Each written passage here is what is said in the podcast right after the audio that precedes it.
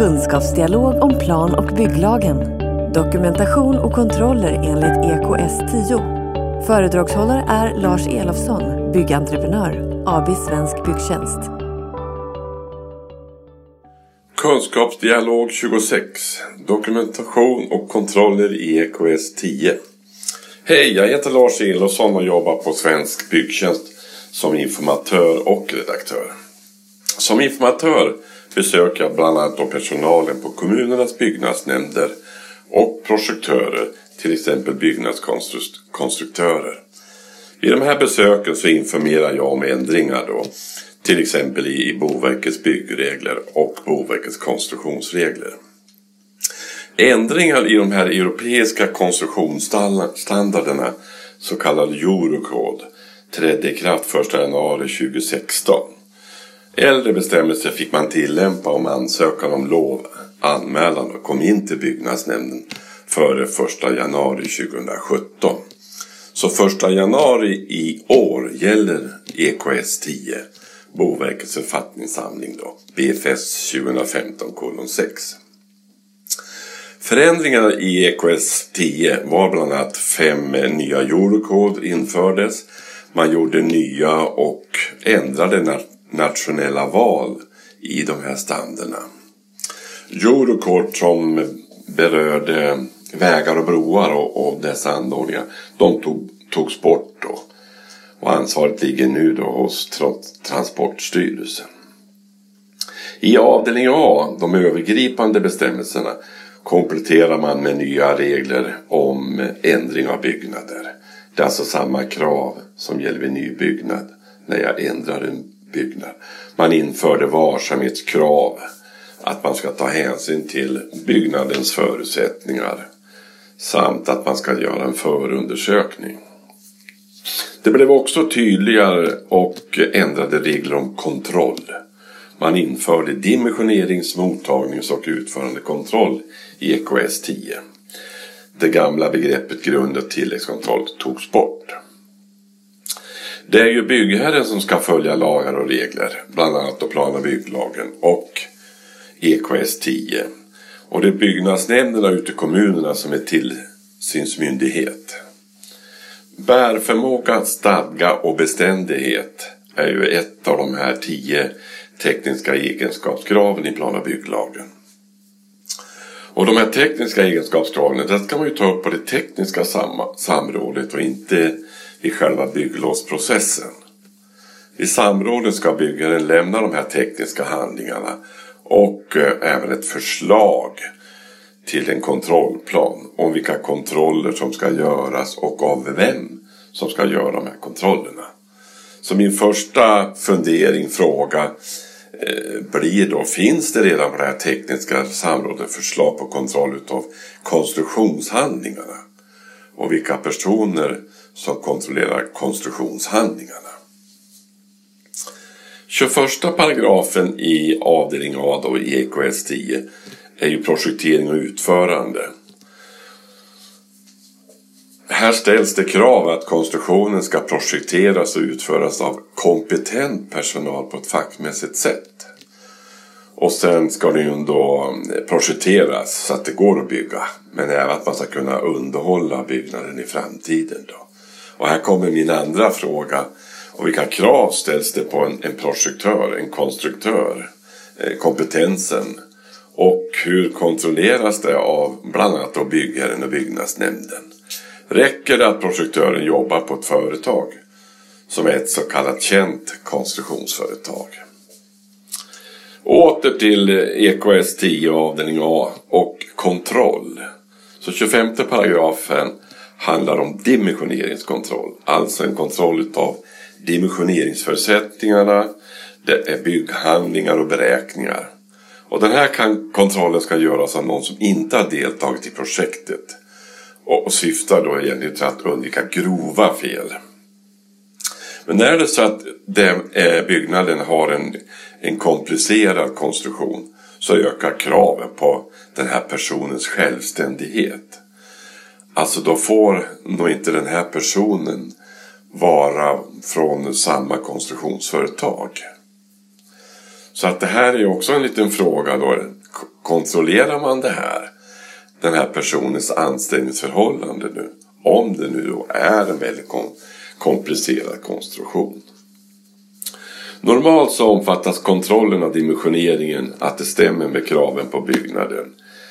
Alltså vilken typ av byggnad det är då. Om det är ett småhus nu eller ett flerbostadshus.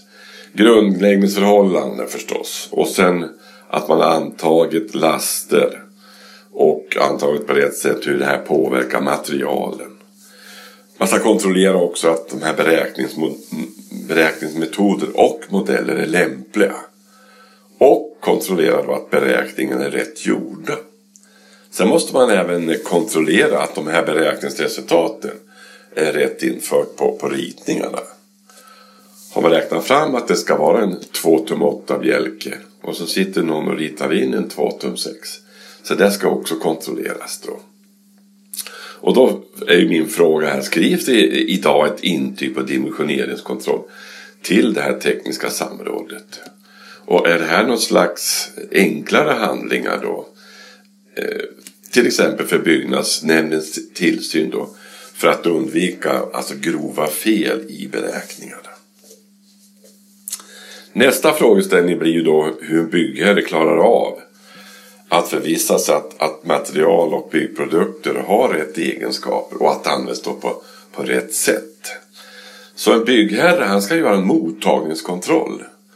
Och då innebär det att byggherren ska ut på byggarbetsplatsen och kontrollera.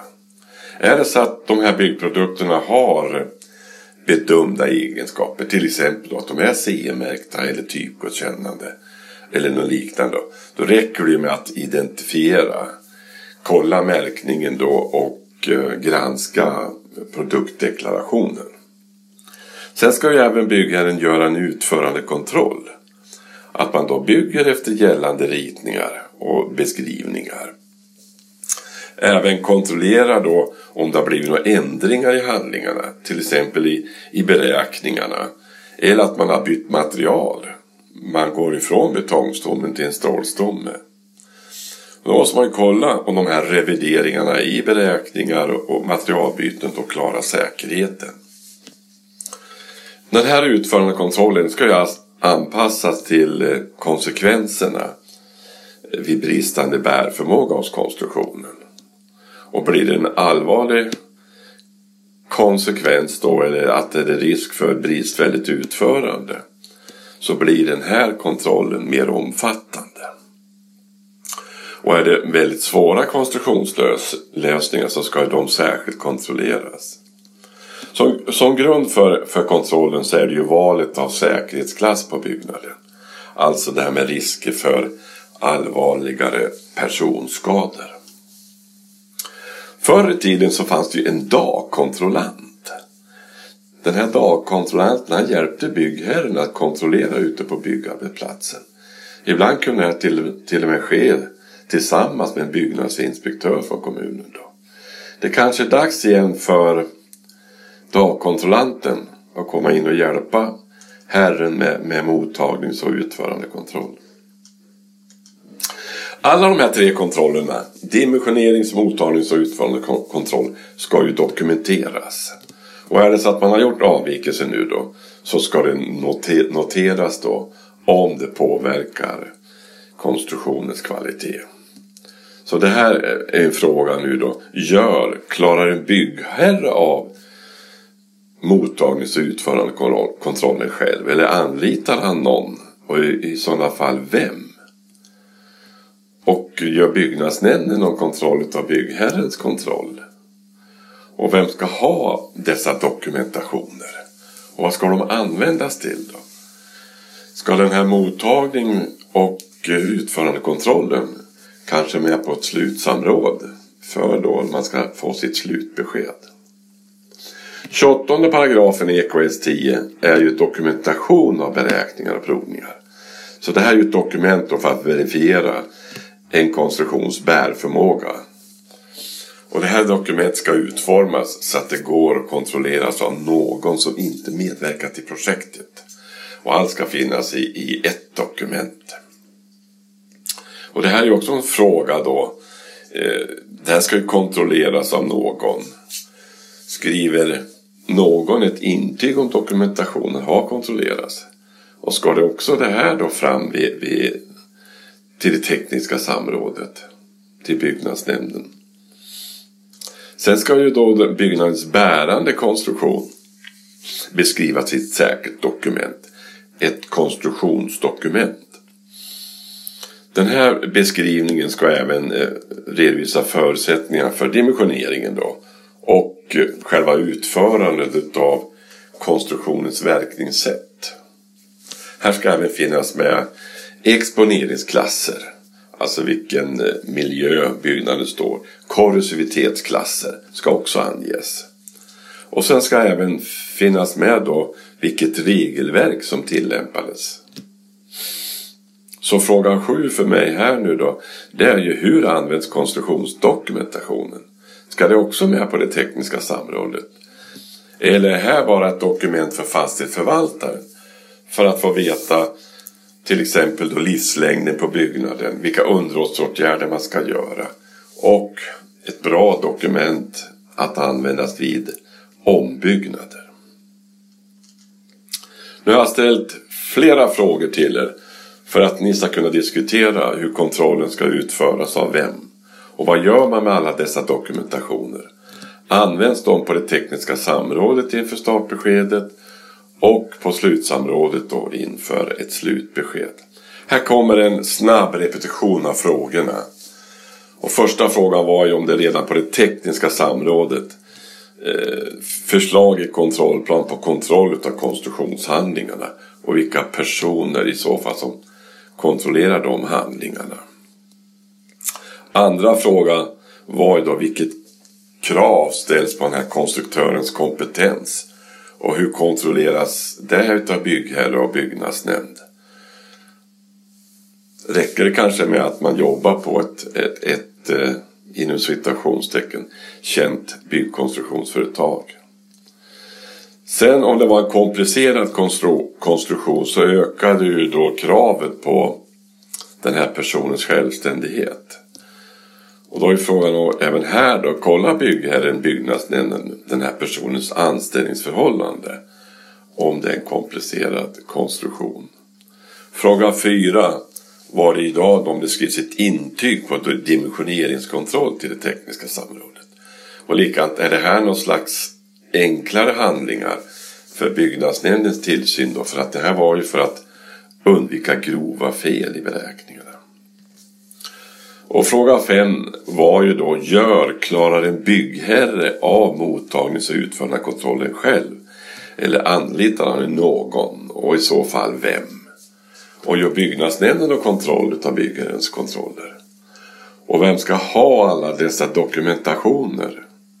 Vad ska de användas? Det här med mottagnings och utförandekontroll. Eh, det kom ju efter det tekniska samrådet så ska det fram på slutsamrådet för att jag ska kunna få då ett slutbesked.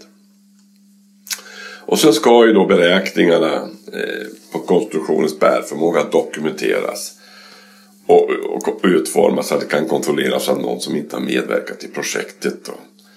Och då är frågan, denna någon, skriver hen ett intyg om att dokumentationen har kontrollerats? Ska det här också fram till byggnadsnämnden vid det tekniska samrådet? Och sista frågan var ju konstruktionsdokumentationen. Eh, om det också ska fram till det tekniska samrådet. Eller om det här då är ett dokument för beställaren, byggherren, fastighetsförvaltaren då. För att ha koll på byggnadens livslängd, underhållsåtgärder då. Och att kunna användas då vid eventuella ombyggnader i framtiden. Tack för mig och lycka till med svaren på mina funderingar.